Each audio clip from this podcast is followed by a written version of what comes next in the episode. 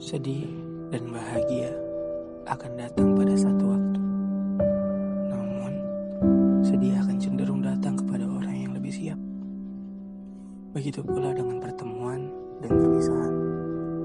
Namun, sayangnya, perpisahan sering datang di saat.